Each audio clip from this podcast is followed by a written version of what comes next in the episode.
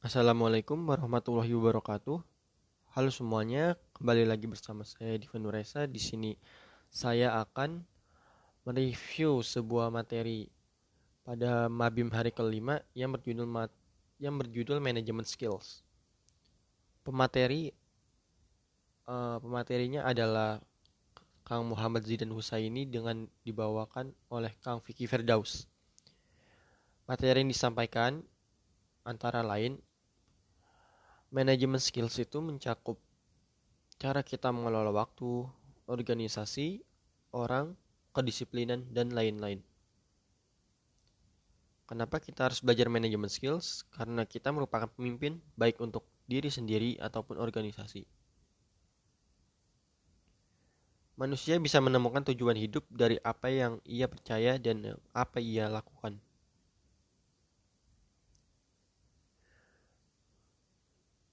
Ketika kita menemukan ketika kita membuat tujuan hidup yang pertama pastikan kita bertanya kenapa kita mempunyai tujuan hidup seperti itu?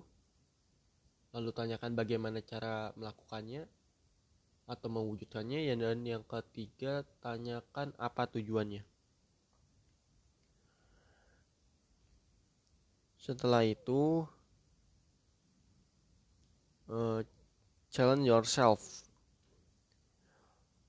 atau praktekan dari pertanyaan-pertanyaan yang sudah kita ajukan tadi. Pastikan challenge, challenge yourself itu dilakukan sesuai kapasitas diri sendiri dan kita harus bertanggung jawab untuk menjalankannya.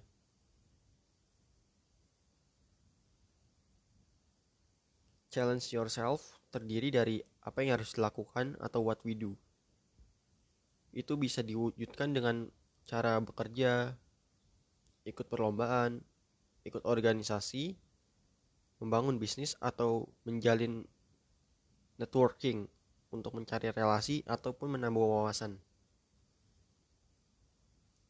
Selain itu, kita juga bisa menjadikan sosial media sebagai ajang untuk meningkatkan manajemen skills.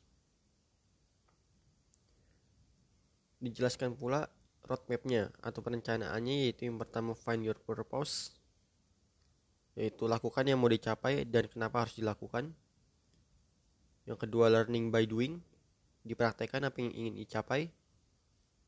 Lalu networking, cari relasi dan yang keempat, activate the ideas atau luncurkan ide bisnis. Setelah itu, jangan lupa menerapkan work-life balance yang terdiri dari sains, sosial, dan spiritual. Sekian dari saya, terima kasih. Maaf. Kesimpulan yang bisa saya ambil adalah materi ini membahas tentang perencanaan hidup di mana dalam di mana dalam perencanaan hidup yang pertama-tama tanyakan kenapa kita merencanakan suatu hal, kemudian bagaimana cara menerapkannya dan apa tujuan dari rencana yang kita buat. Kemudian terapkan perencanaan yang sudah dibuat dan jangan lupakan work life balance. Sekian dari saya, terima kasih. Wassalamualaikum warahmatullahi wabarakatuh.